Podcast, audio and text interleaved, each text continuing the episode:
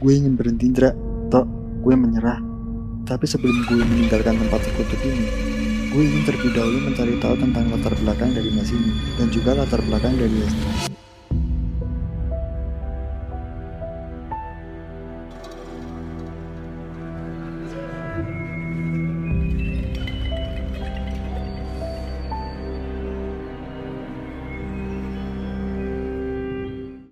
Assalamualaikum warahmatullahi wabarakatuh. Kembali lagi di ARC Horror Story. Apa kabar kalian? Semoga selalu diberi kesehatan ya. Pada kesempatan kali ini, saya akan melanjutkan kisah yang ditulis dan dialami oleh Kak Metamorfosis. Dan saya juga sudah mendapatkan izin untuk menceritakan ulang di channel ini.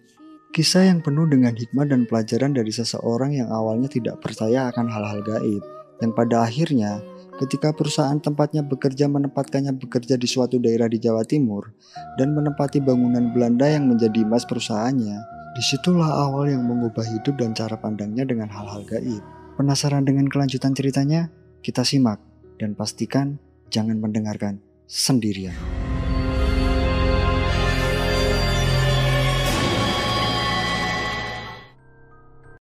Hampir kurang lebih setengah jam lamanya gue dan Minto menanti kedatangan Mas Diki di dalam kamar.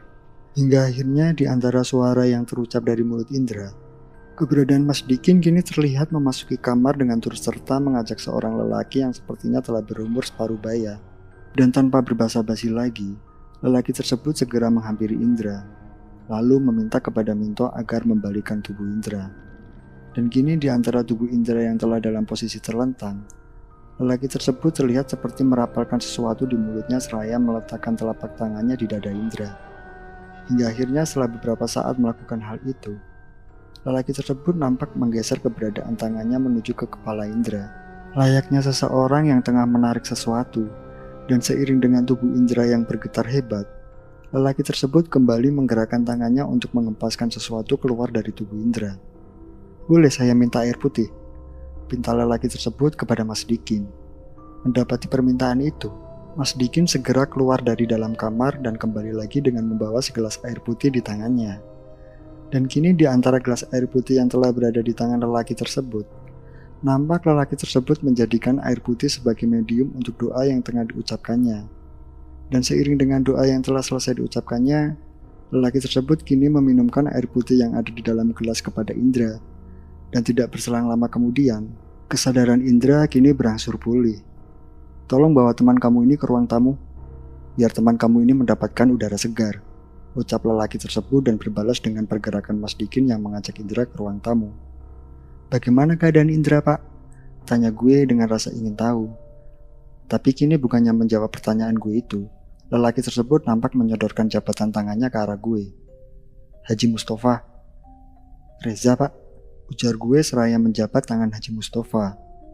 Keadaan Indra mudah-mudahan akan semakin berangsur normal, ucap Haji Mustafa. Seraya mengajak gue dan minta untuk menuju ke ruang tamu.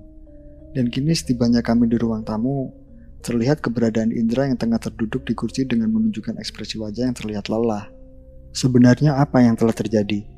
Tanya Haji Mustafa mencoba mencari tahu akan latar belakang dari kejadian ini.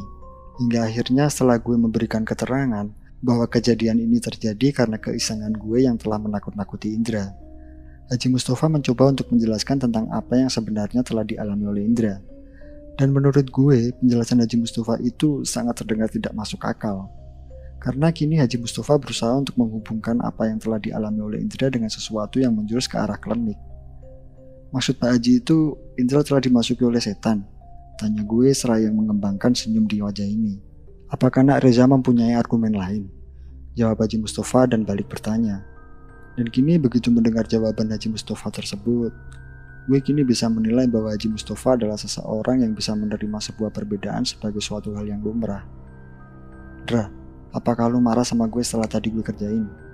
Tanya gue kepada Indra guna memberikan gue sebuah awal untuk mengutarakan argumentasi yang ada di kepala gue ini.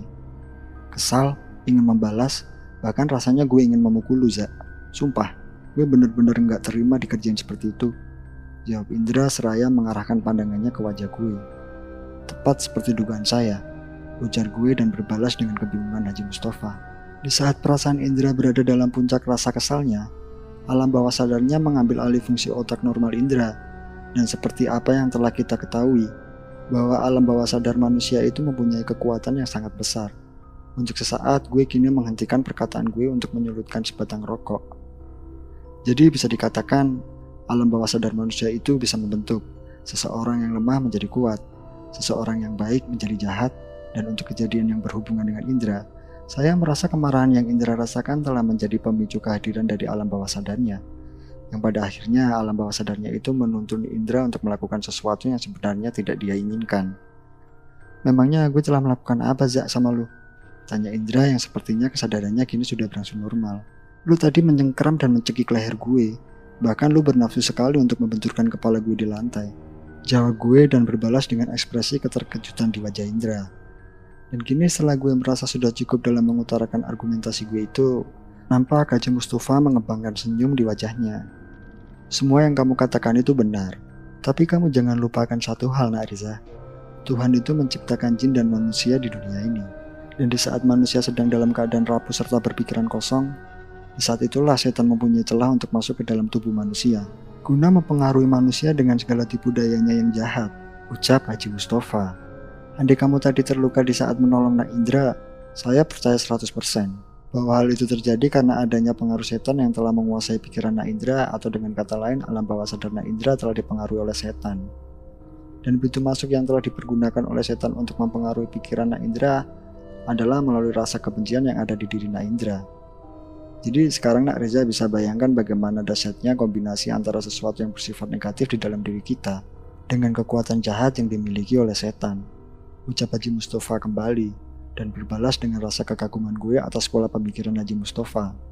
Walaupun sebenarnya gue masih menemukan unsur kelenik di perkataan Haji Mustafa tersebut. Dan kini setelah beberapa saat lamanya kami terlibat dalam pembicaraan beberapa topik yang lain, Haji Mustafa pun berpamitan untuk pulang. Jangan lupa nak Riza, kamu harus percaya, hal yang goib itu memang ada dan kita hidup berdampingan dengan mereka. Ucap Haji Mustafa sebelum beranjak pergi. Apakah itu orang pintarnya?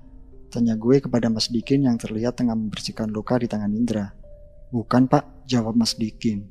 Sejujurnya saat ini gue berharap Mas Dikin akan menjawab bahwa memang Haji Mustafa lah yang dimaksud dengan orang pintar itu. Tapi kini begitu mendengar jawaban Mas Dikin tersebut, gue jadi menduga kalau orang pintar yang dimaksudkan oleh Indra dan Mas Dikin adalah seseorang yang berwajah seram. Detik waktu yang terus berlalu, kini telah mengantarkan kami pada pergantian siang menjadi malam. Di antara kumandang suara azan maghrib yang terdengar, gue, Indra, dan Minto kini memilih untuk menunggu kedatangan orang pintar di teras depan. Untuk sesekali di antara pergantian pandangan kami dalam menatap jalan yang ada di depan mes, terlihat kehadiran Mas Dikin yang membawa sebuah kantong plastik hitam di tangannya. Bawa apa itu mas? Tanya gue kepada Mas Dikin. Tapi kini belum sempat Mas Dikin menjawab pertanyaan gue tersebut. Terlihat kehadiran seorang pria muda yang memasuki halaman mes. Dari cara pakaian yang dikenakannya, sepertinya pria muda tersebut adalah orang pintar yang memang telah kami nantikan kedatangannya di mes ini. Di antara pergerakan indera yang kini menyambut kedatangan orang pintar tersebut, gue hanya bisa terdiam seraya memperhatikan pakaian yang dikenakan oleh orang pintar tersebut. Lu kenapa, aja? Tanya Minto begitu melihat gue yang tengah asik memandangi orang pintar tersebut. Benar-benar dukun banget toh gayanya. Jawab gue dan berbalas dengan permintaan Minto agar gue tidak melanjutkan percakapan ini. Dan kini setelah berbahasa basi secukupnya, Indra mengajak orang pintar tersebut untuk memasuki mes. Dan setibanya kami di dalam mes, terlihat Mas Dikin menyerahkan kantong plastik hitam yang tadi dibawanya kepada orang pintar. Oh, rupanya ini persyaratan dari orang pintar itu. Gumam gue kepada Minto yang terlihat begitu tegang dalam menyaksikan ritual yang akan dilakukan oleh orang pintar. Diam lu, Kita lihat aja apa yang nanti akan terjadi. Ujar Minto seraya menyikut lengan gue. Dra, Panggil gue kepada Indra yang kini terlihat begitu serius dalam memperhatikan keberadaan dari orang pintar yang tengah mempersiapkan peralatan yang akan dipergunakannya dalam menjalani ritual. Shh, jangan mulai lagi deh, Zak. Ucap Indra sambil mendelikan matanya. Selepas dari perkataan Indra tersebut, keberadaan dari orang pintar yang telah selesai mempersiapkan peralatan ritualnya kini terlihat mulai menyulutkan api pada kemenyan yang telah diletakkannya di dalam tungku dan seiring dengan asap kemenyan yang mulai menebarkan aroma wanginya, nampak orang pintar tersebut mulai merapalkan sesuatu pada nampan bambu yang ada di hadapannya. Yang mana di dalam nampan bambu tersebut, terlihat keberadaan dari beberapa kelopak bunga gelas yang berisi kopi, sebatang lisong, serta secangkir darah ayam. Mau apa sebenarnya orang pintar ini? Tanya gue dalam hati begitu melihat pergerakan tangan dari orang pintar yang mencabut sebilah keris dari pinggangnya. Dan kini di antara sebilah keris yang telah berada di dalam genggaman tangannya, nampak tangan orang pintar tersebut terlihat bergetar. Dan entah mengapa seiring dengan getaran yang terlihat pada tangan orang pintar tersebut, gue bisa merasakan suhu udara di dalam mes ini menjadi dingin. Ih, kok jadi dingin ya? Dan kini di antara rasa dingin yang gue rasakan, nampak orang pintar tersebut meletakkan keris yang ada di genggaman tangannya di atas cangkir yang berisikan darah ayam. Dan beberapa saat kemudian, keris yang ada di atas cangkir tersebut tiba-tiba saja terpental dengan sendirinya. Mendapati hal itu, gue kini hanya bisa terdiam dalam rasa tidak percaya atas apa yang telah gue lihat saat ini. Loh, kok bisa sih? Tanya gue dan berbalas dengan pergerakan dari tatapan mata orang pintar yang mengisyaratkan agar gue tidak berbicara. Dan tidak berserang lama, setelah isyarat yang diberikan oleh orang pintar tersebut, gue mendengar suara tawa wanita yang terdengar dari arah dapur. Hingga akhirnya setelah orang pintar tersebut berbicara dengan sesuatu yang tidak bisa gue lihat keberadaannya, suara tawa wanita yang tadi sempat terdengar, kini sudah tidak terdengar lagi. Mereka sudah menerima permintaan maaf kita, dan berjanji untuk tidak mengganggu lagi. Ucap orang pintar tersebut seraya mengakhiri ritualnya. Loh, katanya mau diusir. Kok ini malah diberi sesaji sih? Tanya gue begitu orang pintar tersebut telah mengakhiri ritualnya. Mereka ini penghuni lama mes ini, dan keberadaannya di mes ini sudah sangat kuat. Jadi percuma kalau kita mengusirnya, karena mereka akan kembali lagi ke mes ini. Jawab orang pintar tersebut seraya menunjukkan kesinisannya. Kalau saya boleh tahu, itu kamar siapa? Tanya orang pintar seraya menunjuk ke arah kamar yang gue tempati. Kamar saya, Pak. Memangnya ada apa? Kamu berburu. Tanya orang pintar itu kembali dan berbalas dengan kebingungan gue untuk menjawabnya. Apa pun yang kamu bawa sebaiknya kamu singkirkan atau serahkan kepada saya agar tidak terjadi gesekan dengan kekuatan di sini. Maksud Bapak tuh apa sih? Tanya gue yang gini merasa tidak senang atas ucapan dari orang pintar tersebut. Kamu pasti mengerti dengan apa yang saya maksud. Selepas dari perkataan orang pintar tersebut, Sepertinya kini gue sudah bisa menangkap arah dari pembicaraannya. Dan gue sangat yakin kalau arah dari pembicaranya ini adalah kucing kecil yang gue miliki. Dasar orang brengsek, jangan pikir gue bego ya. Kumam gue dalam hati. Dan gini di antara kecerdiaman gue di dalam menyikapi perkataan orang pintar tersebut, nampak terlihat kebingungan di wajah Indra, Minto, dan Mas Dikin dalam menyikapi pembicaraan antara gue dan orang pintar. Kamu ini terlalu nggak percaya dengan hal-hal yang mistis bahkan cenderung meremehkannya. Ujar orang pintar tersebut seraya membereskan peralatan ritualnya. Sejujurnya saat ini gue juga merasa bingung atas perkataan dari orang pintar tersebut. Bagaimana mungkin orang pintar tersebut bisa mengetahui akan keberadaan dari kucing kecil yang gue miliki? Pejamkan mata kamu sekarang, pinta orang pintar tersebut kepada gue. Dan kini begitu mendapati permintaan dari orang pintar tersebut, gue pun mempertanyakan alasan dari orang pintar tersebut meminta gue untuk memejamkan mata. Hingga akhirnya setelah orang pintar tersebut menjelaskan akan maksud dari permintaannya itu, gue langsung menyetujuinya. Karena orang pintar tersebut hanya ingin membuktikan bahwa sesuatu yang gaib itu memang ada di mes ini. Dan kini di antara mata gue yang telah terpejam, sepertinya orang pintar tersebut kini telah merapalkan sesuatu di depan wajah gue. Dan seiring dengan pegangan tangannya yang menyentuh bagian depan dari kepala gue, tiba-tiba saja gue merasakan suasana menjadi hening. Mendapati hal tersebut, gue memutuskan untuk membuka pejaman mata ini dan mendapati bahwa kini gue memang telah berada seorang diri di dalam mes. Loh, pada ke mana mereka semua? Tanya gue dalam hati seraya mencari keberadaan dari Indra, Minto, Mas Dikin, dan orang pintar. Tapi kini seiring dengan langkah kaki gue yang seperti terarah menuju ke kamar Indra, gue memutuskan untuk berhenti sejenak di depan kamar Indra. Karena gue merasa ragu dengan arah dari langkah kaki gue ini yang seperti terasa diarahkan. Tapi kini begitu gue mengingat kembali akan perkataan dari orang pintar yang mengatakan bahwa dia ingin membuktikan kepada gue bahwa sesuatu yang gaib itu memang ada di mes ini, rasa keingintahuan gue yang besar kini telah menuntun pergerakan tangan gue untuk membuka pintu kamar. Hingga akhirnya di saat kini gue telah membuka pintu kamar Indra, sesuatu yang tidak pernah terpikir di dalam pikiran gue, kini nampak di hadapan gue. Ya, saat ini gue melihat keberadaan dari sosok wanita tanpa kepala yang tengah duduk di atas lemari pakaian yang ada di kamar Indra. Gaun putih yang dikenakan oleh wanita tersebut terlihat lusuh dan terjuntai panjang hingga menutupi bagian kakinya. Tapi satu hal yang lebih menakutkan lagi dari sosok wanita itu adalah keberadaan tangannya yang nampak tengah memegangi bagian kepalanya yang terlepas. Dan kini diiringi oleh lengkingan tawanya yang keras. Nampak wanita tersebut menjatuhkan kepala yang tengah dipegangnya di atas lantai. Mendapati hal tersebut, tiba-tiba saja gue merasakan tubuh gue ini menjadi lemas. Dan tidak berselang lama setelah gue merasakan rasa lemas itu, gue merasakan semuanya kini menjadi gelap.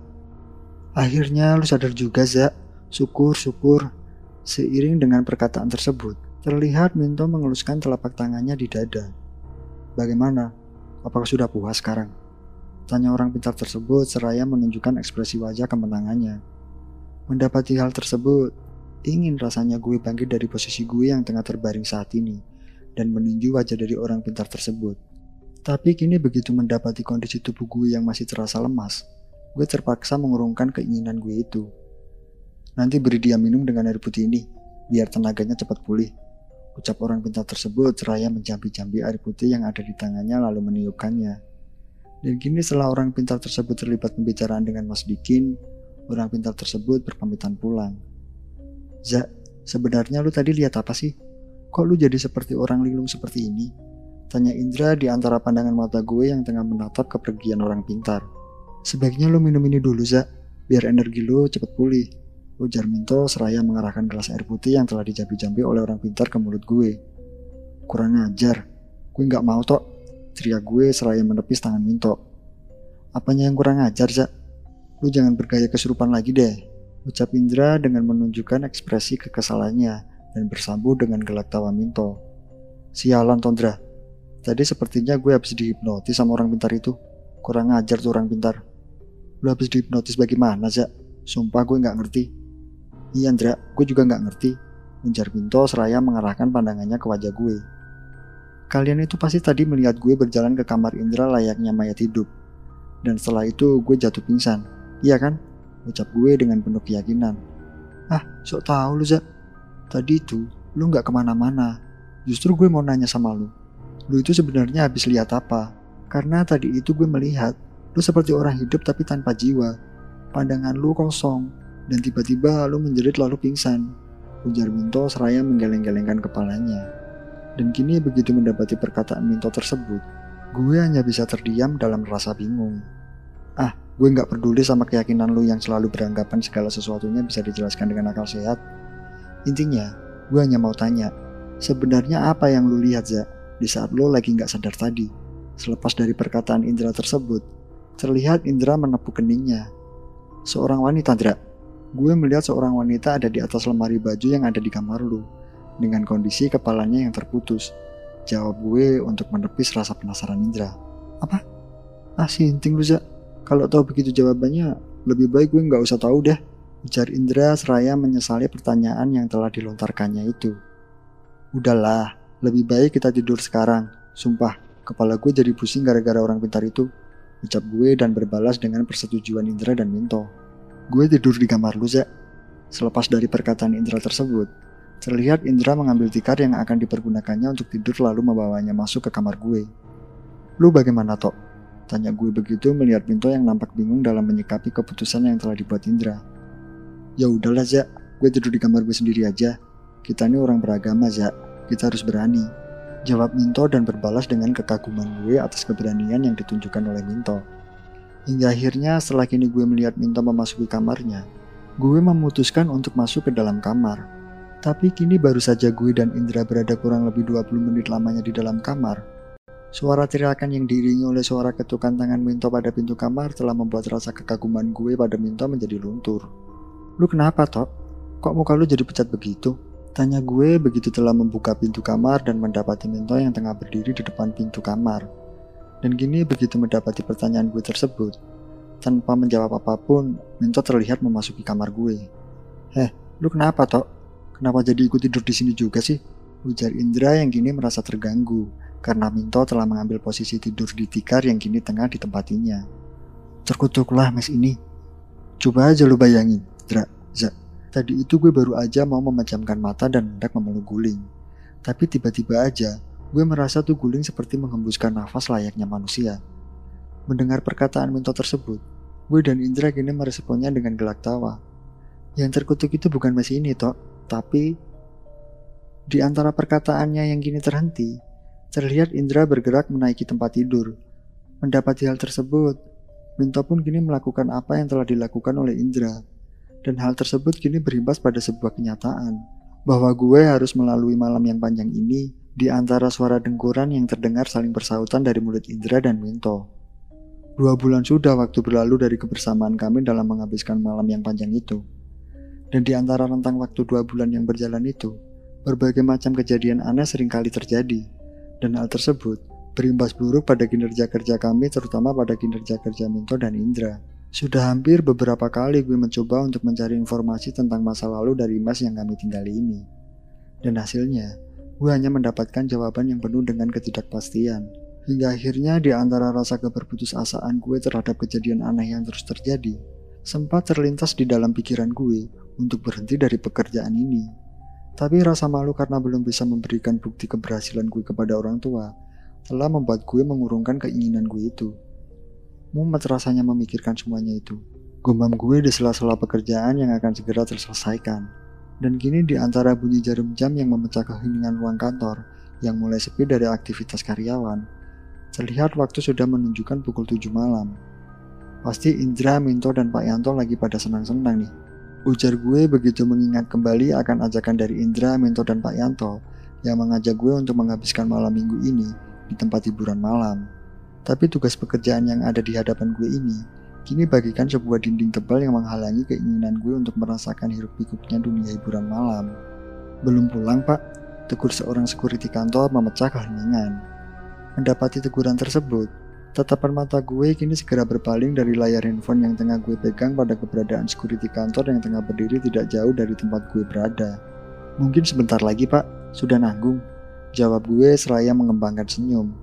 Dan kini seiring dengan keberadaan security kantor yang telah beranjak pergi meninggalkan gue, gue kembali membaca isi SMS yang dikirimkan oleh Wulan beberapa hari yang lalu. Dan isi dari SMS tersebut mengabarkan sebuah kabar bahagia tentang Wulan yang akan mengisi liburan kuliahnya dengan berkunjung ke mes perusahaan yang gue tinggali sekarang ini. Sebaiknya gue minta tolong kepada Pak Imron untuk menjemput Wulan ke stasiun. Ujar gue seraya menuliskan sebuah pesan SMS kepada Pak Imron, lalu mengirimkannya. Waktunya pulang, ujar gue begitu telah menyelesaikan pekerjaan. Dan kini di antara keterdiaman gue dalam menunggu angkot yang akan mengantarkan gue ke mes, entah ide yang datang dari mana, tiba-tiba saja gue memutuskan untuk terlebih dahulu mampir ke rumah makan yang dulu pernah gue singgahi bersama Indra, Minto, dan Pak Yanto. Ah, daripada gue bengong sendirian di mes, Minto dan Indra pasti belum pulang, dan Mas Diki juga belum tentu ada di mes. Ucap gue di antara pergerakan langkah kaki ini yang telah berjalan menuju ke rumah makan. Dan kini setibanya gue di rumah makan, nampak terlihat banyak pengunjung yang tengah menikmati santapan makan malam di rumah makan tersebut. Gue heran, rumah makan ini kok nggak pernah sepi dari pengunjung ya? Padahal, menurut gue makanannya biasa aja. Apa mungkin orang makan di sini karena hanya ingin melihat? Di antara perkataan yang belum terselesaikan dari mulut gue tersebut, Gue segera melangkah masuk ke dalam rumah makan, dan begitu kini gue melihat keberadaan sebuah kursi kosong yang berada tidak jauh dari tempat gue berdiri, gue segera menempati kursi tersebut. Mbak Estinya di mana ya? Tanya gue dalam hati, sambil mengamati aktivitas dari pengunjung rumah makan. Hingga akhirnya di antara ketidaksengajaan gue dalam menemui keberadaan Hesti, nampak terlihat kehadiran Hesti yang tengah berjalan memasuki rumah makan. Dari pesona lenggak-lenggok tubuhnya serta senyuman yang menghiasi wajahnya, Kini kehadiran Hesti bagaikan sebuah medan magnet yang menarik pandangan dari pengunjung rumah makan yang hampir sebagian besarnya adalah pria. Sejujurnya tidak ada yang aneh dari apa yang telah gue lihat pada diri Hesti saat ini. Bahkan kesan jahat yang selama ini selalu diceritakan oleh Indra dan Minto sama sekali tidak terlihat pada diri Hesti. Justru yang gue lihat saat ini adalah pesona dari daya tarik Hesti yang tengah diperlihatkannya melalui balutan rok mini serta kaos putih ketat yang membungkus tubuhnya yang sintal. Dan kini di antara tatapan mata gue yang tidak berkedip dalam memandang Hesti, sepertinya Hesti kini telah menyadari akan keberadaan gue yang tengah memperhatikannya. Mendapati hal tersebut, Hesti pun kini terlihat berjalan menghampiri gue seraya melemparkan senyum manisnya ke beberapa pengunjung rumah makan. Kok sendirian aja mas? Mana yang lain? Oh iya, nama mas siapa ya? Aku agak lupa. Serangkaian pertanyaan yang terucap dari mulut Hesti Kini mengantarkan pergerakan tubuh Hesti dalam mengambil posisi duduk di sisi gue. Nama saya Reza mbak, jangan lupakan lagi ya namanya. Jawab gue seraya menghirup aroma wangi dari tubuh Hesti. Dan kini di antara tatapan mata Hesti yang memandangi wajah gue, gue menerangkan tentang latar belakang mengapa gue bisa berada seorang diri di rumah makan ini. Dan kini begitu mendengar cerita gue tersebut, terlihat Hesti mengembangkan senyum manisnya. Kasihan, ya udah, malam ini biar aku yang menemani Mas Reza aja. Itu juga kalau Mas Rezanya mau. Ucap Hesti dengan menunjukkan kegenitannya. Oh, mau mau. Pasti saya mau lah mbak. Mana ada sih pria yang bisa menolak jika ditemani oleh Mbak Esti. Loh, Mas Reza belum makan. Kalau memang belum makan, biar aku saja yang mengambilkannya. Selepas dari perkataan Hesti tersebut, terlihat Hesti beranjak pergi untuk mengambilkan makanan. Dan tidak berserang lama kemudian, Hesti telah kembali lagi dengan turut serta membawa sebuah piring yang berisikan makanan. Dan kini di antara gue yang tengah menikmati makan malam, Hesti pun mulai menceritakan tentang jati dirinya. Mulai dari status Hesti sebagai janda tanpa anak, sampai dengan tentang ibunya yang sudah meninggal, serta bapaknya yang pergi entah ke mana. Dan kini di antara gue yang telah menyelesaikan makan malam, keakraban yang terjalin antara gue dan Hesti seperti telah melebihi umur dari perkenalan kami yang baru beberapa bulan. Bahkan bisa dikatakan pertemuan gue dengan Esti bisa dihitung dalam hitungan jari. Setelah makan malam ini, rencana kamu mau ke mana mas? Seiring dengan perkataan yang terucap dari mulut Hesti, terlihat Hesti melambaikan tangannya ke salah satu pelayan rumah makan guna membereskan piring makan yang kini telah kosong. Belum tahu Mbak Es, lagi pula saya belum terlalu banyak tahu tentang kota ini. Jadi kemungkinannya saya mau langsung pulang ke mes saja. Panggil aku Hesti aja mas, Gak usah pakai mbak. Oh iya, bagaimana kalau aku temenin Mas Reza jalan? Kebetulan aku lagi nggak punya rencana ke mana-mana malam ini. Dan kini bagaikan gayung bersambut. Tanpa berpikir lagi, gue langsung menyetujui penawaran Hesti tersebut. Ya udah kalau begitu, biar saya bayar dulu makanannya. Duh, sudah nggak usah bayar mas. Pokoknya malam ini untuk Mas Reza gratis.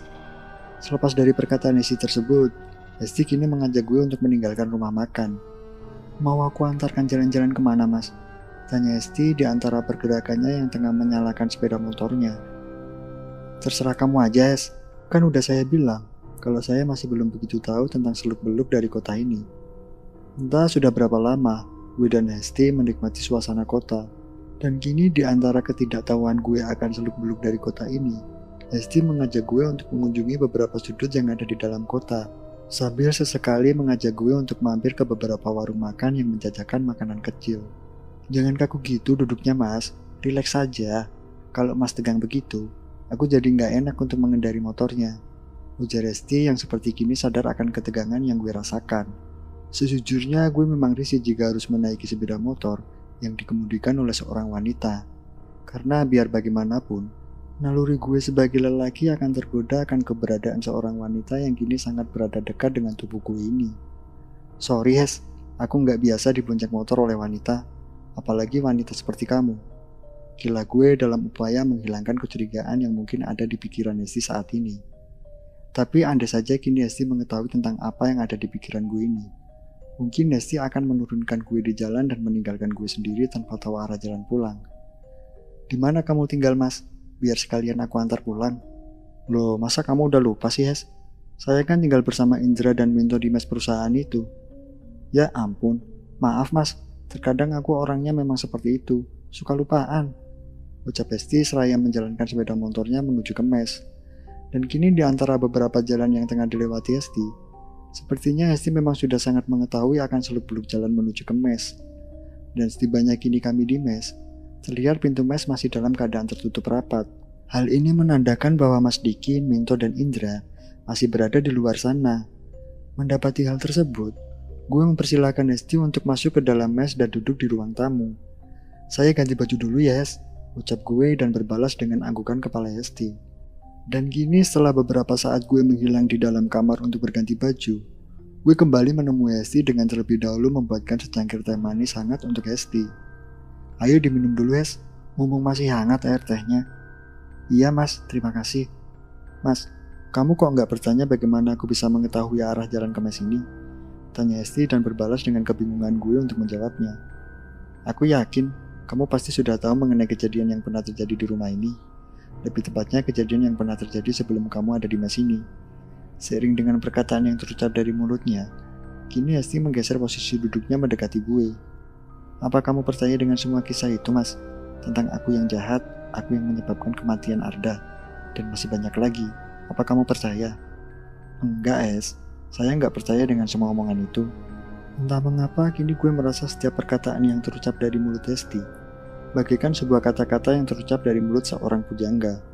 Hingga akhirnya tanpa terasa, nafsu yang telah gue pendam semenjak dari perjalanan tadi, kini sudah tidak bisa untuk terkontrol lagi. Di kamar aja, Hes, ucap gue dengan nafas yang memburu. Dan kini di antara pergerakan tangan gue yang telah membuka pintu kamar, nampak Hesti terlihat ragu untuk memasuki kamar. Matanya terlihat memandang ke beberapa sudut yang ada di dalam kamar.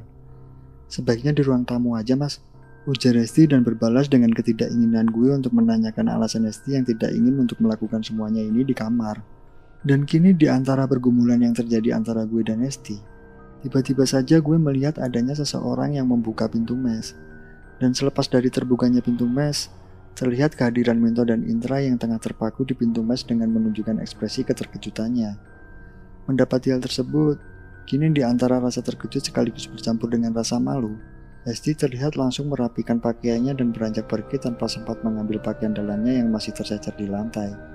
Hes, teriak gue seraya mencoba untuk menyusul keberadaan Esti yang telah menaiki motornya. Tapi sebelum sempat gue melangkah keluar dari dalam mes, kini Indra dan Minto telah menghalangi langkah gue. Mendapati hal tersebut, Kini gue hanya bisa menatap kepergian Esti yang menaiki sepeda motornya menembus kegelapan malam. Eh, sadar lu Zak, sadar. Lu boleh main gila dengan wanita Zak, tapi bukan dengan wanita itu. Hardik Minto dengan ada emosi. Mendapati hardikan Minto tersebut, gue sama sekali tidak mempunyai keinginan untuk melawan balik hardikan Minto tersebut. Kalau memang lu mau seperti itu, lebih baik tadi lu ikut bersama kami, bukan malah mencobanya bersama Esti, ucap Indra dengan lebih bijak. Dan kini selepas dari perkataan Indra tersebut, nampak Minto menjulurkan tangannya untuk meminta maaf atas kekerasannya. Maaf ya, tadi gue lepas kendali. Selepas dari perkataan Minto tersebut, gue memutuskan untuk masuk ke dalam kamar dengan terlebih dahulu memungut pakaian dalam Esti yang ada di lantai. Bodoh lu Zak, apa sebenarnya yang telah gue lakukan? Maki gue seraya menyesali dengan apa yang telah gue lakukan. Sejujurnya apa yang telah gue lakukan ini sama sekali di luar kuasa gue untuk menolak semua pesona yang telah diperlihatkan oleh Esti. Sebaiknya gue simpen dulu pakaian dalam Esti ini di bawah bantal. Ujar gue seraya menaiki tempat tidur dan meletakkan pakaian dalam Esti di bawah bantal.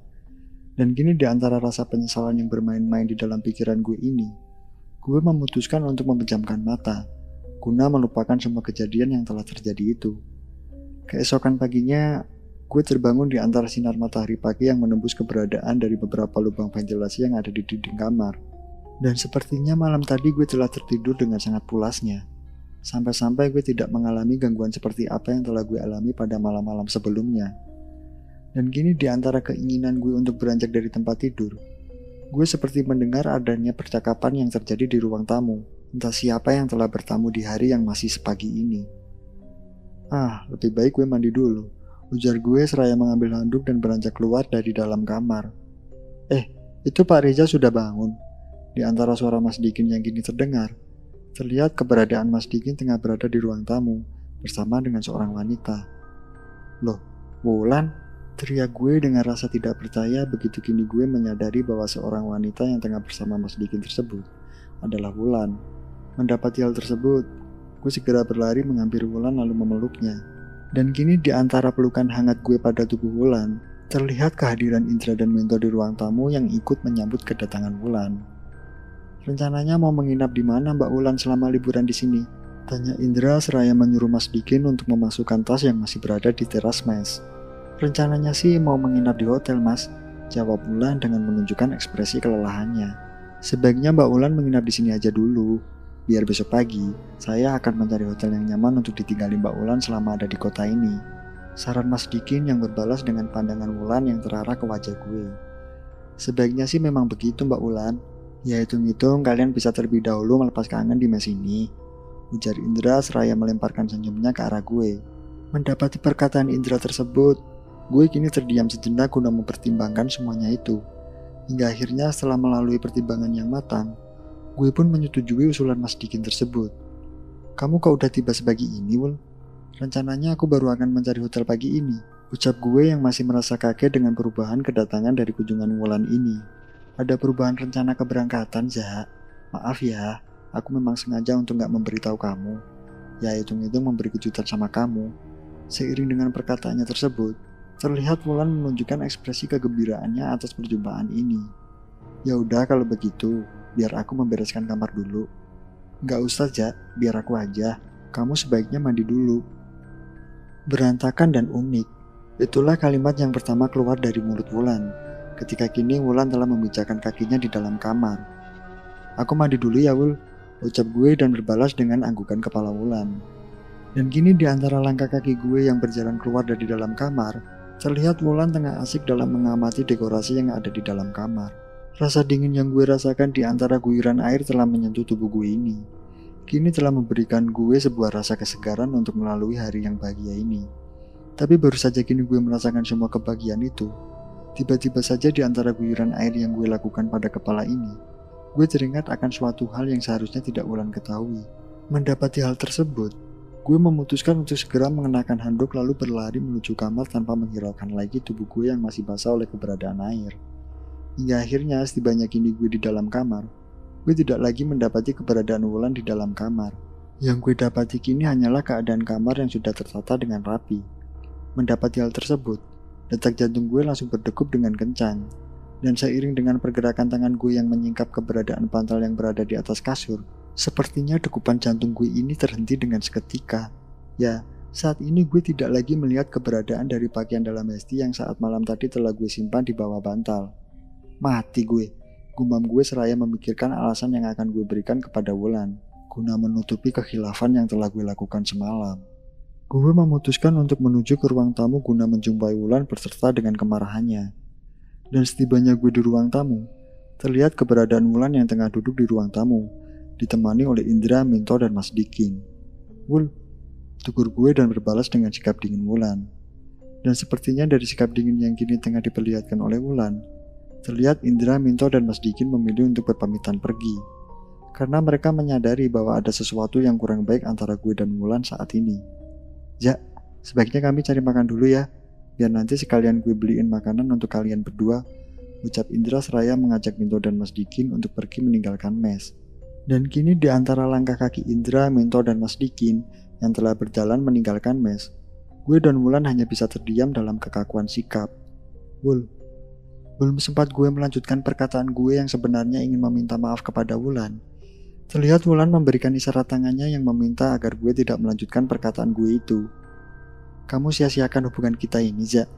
Kamu sia-siakan kepercayaan yang telah aku berikan kepada kamu. Selepas dari perkataan tersebut, Wulan kini menyerahkan pakaian dalam Esti yang telah disimpannya di dalam tas kecilnya. Maafkan aku, Wul. Aku benar-benar hilaf. Aku ingin pulang, Zak. Aku tidak bisa memaafkan kamu untuk kejadian yang seperti ini. Ujar Wulan dengan ekspresi kekecewaannya. Aku ingin mengakhiri hubungan kita ini, Zak. Hah? Maksud kamu apa, Bul? Kita putus ya, ucap Wulan dengan penuh kepastian. Mendapati hal tersebut, gue kini meminta kepada Wulan untuk berpikir ulang atas perkataan yang telah diucapkannya itu. Tapi sepertinya seiring dengan bujuk rayu yang gue lakukan, Wulan tetap tidak bergeming dari keputusannya itu. Hancur. Ya, kata itulah yang bisa menggambarkan perasaan hati gue saat ini. Di saat kini gue harus memandangi kepergian Wulan dalam merasa bersalah, dan kini di antara langkah kaki Wulan yang berjalan jauh meninggalkan mes, gue hanya bisa terdiam di antara ketidakpercayaan gue atas apa yang telah terjadi dan menimpa gue saat ini. Sabar, Zak. Semua ini pasti ada hikmahnya. Hibur Indra dan Minto sekembalinya mereka ke mes dan tidak mendapati keberadaan Wulan di mes. Gue ingin berhenti Indra, tok gue menyerah. Selepas dari perkataan gue tersebut, Terlihat ekspresi ketidakpercayaan dari wajah Indra dan Minto, karena mereka tidak menyangka kalau gue akan mengambil keputusan seperti itu. Hah? Lu yakin, Zak? Ujar Indra dan Minto. Iya, Indra, Tok. Tapi sebelum gue meninggalkan tempat terkutuk ini, gue ingin terlebih dahulu mencari tahu tentang latar belakang dari mes ini. Dan juga latar belakang dari Hesti yang selama ini kalian curigai itu. Kalau memang itu udah menjadi keputusan lu, Zak, gue ikut lu Gue juga sebenarnya penasaran dengan apa yang sebenarnya telah terjadi di mes ini. Ujar Indra dengan penuh keyakinan. Ya kalau begitu, gue juga ikut lu, Zak. Ucap Minto yang sepertinya tidak mau kalah oleh keberanian Indra.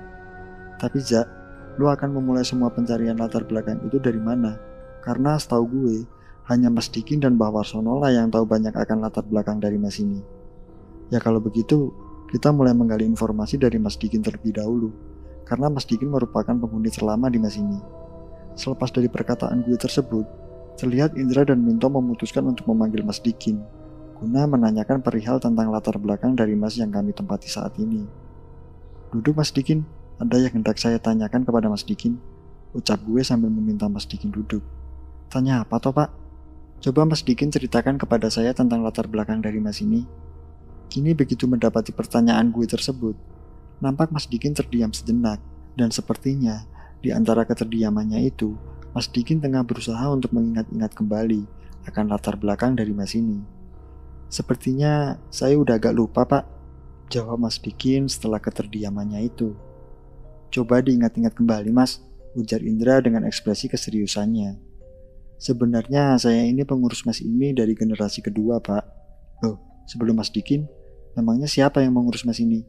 Tanya gue berusaha untuk menggali keterangan dari Mas Dikin. Sebelumnya yang mengurus Mas ini adalah bapak saya, Pak. Oh, bapaknya Mas Dikin. Lantas, bapaknya Mas Dikin sekarang ada di mana? Tanya gue kembali. Sudah meninggal tiga tahun yang lalu, Pak. Jawab Mas Dikin seraya menunjukkan ekspresi wajah yang menggambarkan bahwa Mas Dikin saat ini tengah memikirkan sesuatu. Tapi sebentar, Pak. Dulu itu bapak saya pernah bercerita, di saat proses pengembangan mes, dari mes yang lama menjadi mes yang sekarang kita tempati ini, sempat beberapa kali terjadi peristiwa aneh yang mengganggu proses pengembangan mes ini. Peristiwa aneh? Maksud Mas Dikin dengan peristiwa aneh itu apa? Tanya gue seraya mengarahkan pandangan ini ke wajah Mas Dikin. Di saat penggalian pondasi mes, para pekerja menemukan beberapa kerangka manusia. Tapi di antara beberapa kerangka manusia yang telah ditemukan itu, ada dua kerangka manusia yang terlihat aneh karena kedua kerangka itu ditemukan dalam kondisi tanpa kepala. Selain itu ditemukan juga keanehan yang lain pada kedua kerangka itu. Keanehan bagaimana Mas Dikin? Tanya Indra memotong perkataan Mas Dikin. Satu kerangka ditemukan dalam posisi memegang cambuk, sedangkan satu kerangka yang lain ditemukan dalam posisi terantai pada bagian kakinya. Selain itu ditemukan juga keberadaan dari kerangka hewan, entah itu kerangka anjing atau kucing. Dan kini begitu gue mendengar jawaban Mas Dikin, gue hanya bisa mengerutkan dahi seraya berpikir keanehan yang ditemukan pada kedua kerangka tersebut.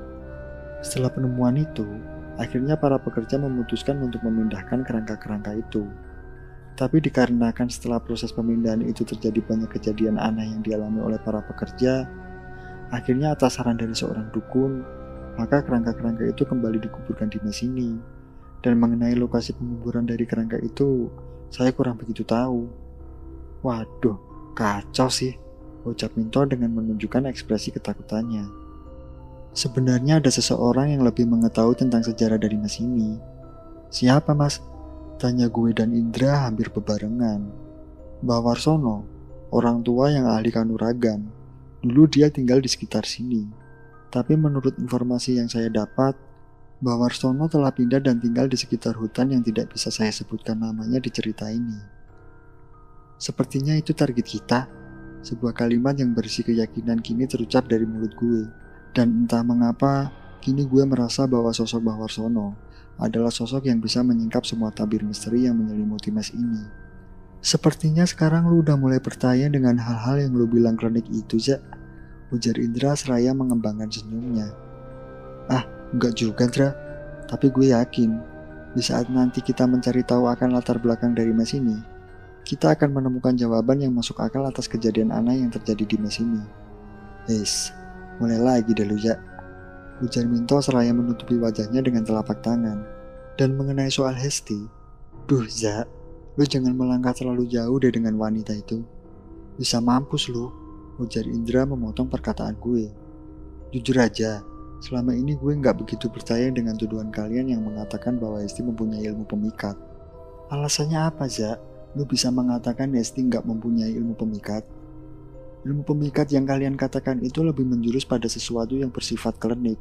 Kalau menurut gue, Apa yang kalian bilang dengan ilmu pemikat itu tidak lebih daripada kemampuan Hesti dalam mengendalikan kekuatan alam bawah sadarnya. Karena, menurut apa yang telah gue ketahui, alam bawah sadar kita itu mempunyai kekuatan yang besar jika kita mampu untuk mengendalikannya.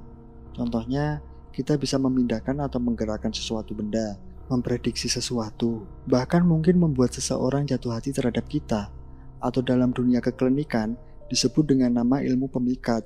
Jawab gue dan berbalas dengan ekspresi kebingungan dari wajah Indra, Minto, serta Mas Dikin.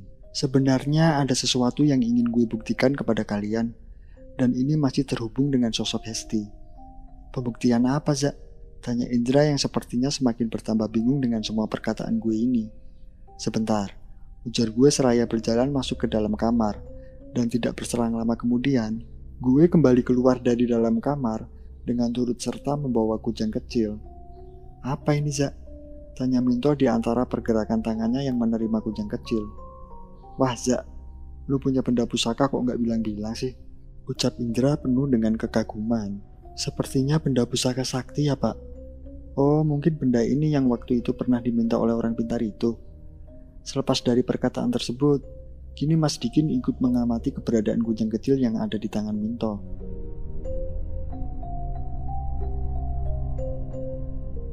Itu dia teman-teman, kelanjutan pengalaman horor yang ditulis dan dialami oleh Kak Metamorfosis. Semoga teman-teman bisa mengambil hikmah dan pelajaran dari kisah nyata yang dialami oleh Kak Metamorfosis. Tapi ini belum selesai sampai di sini teman-teman. Jadi tetap pantengin terus ARC Horror Story untuk kelanjutan ceritanya di part 4. Terima kasih buat teman-teman yang sudah mampir ke podcast ARC Horror Story. Jika kalian suka dengan ceritanya, silakan share dan ikuti terus podcast ARC sebagai bentuk dukungan kalian. Assalamualaikum warahmatullahi wabarakatuh.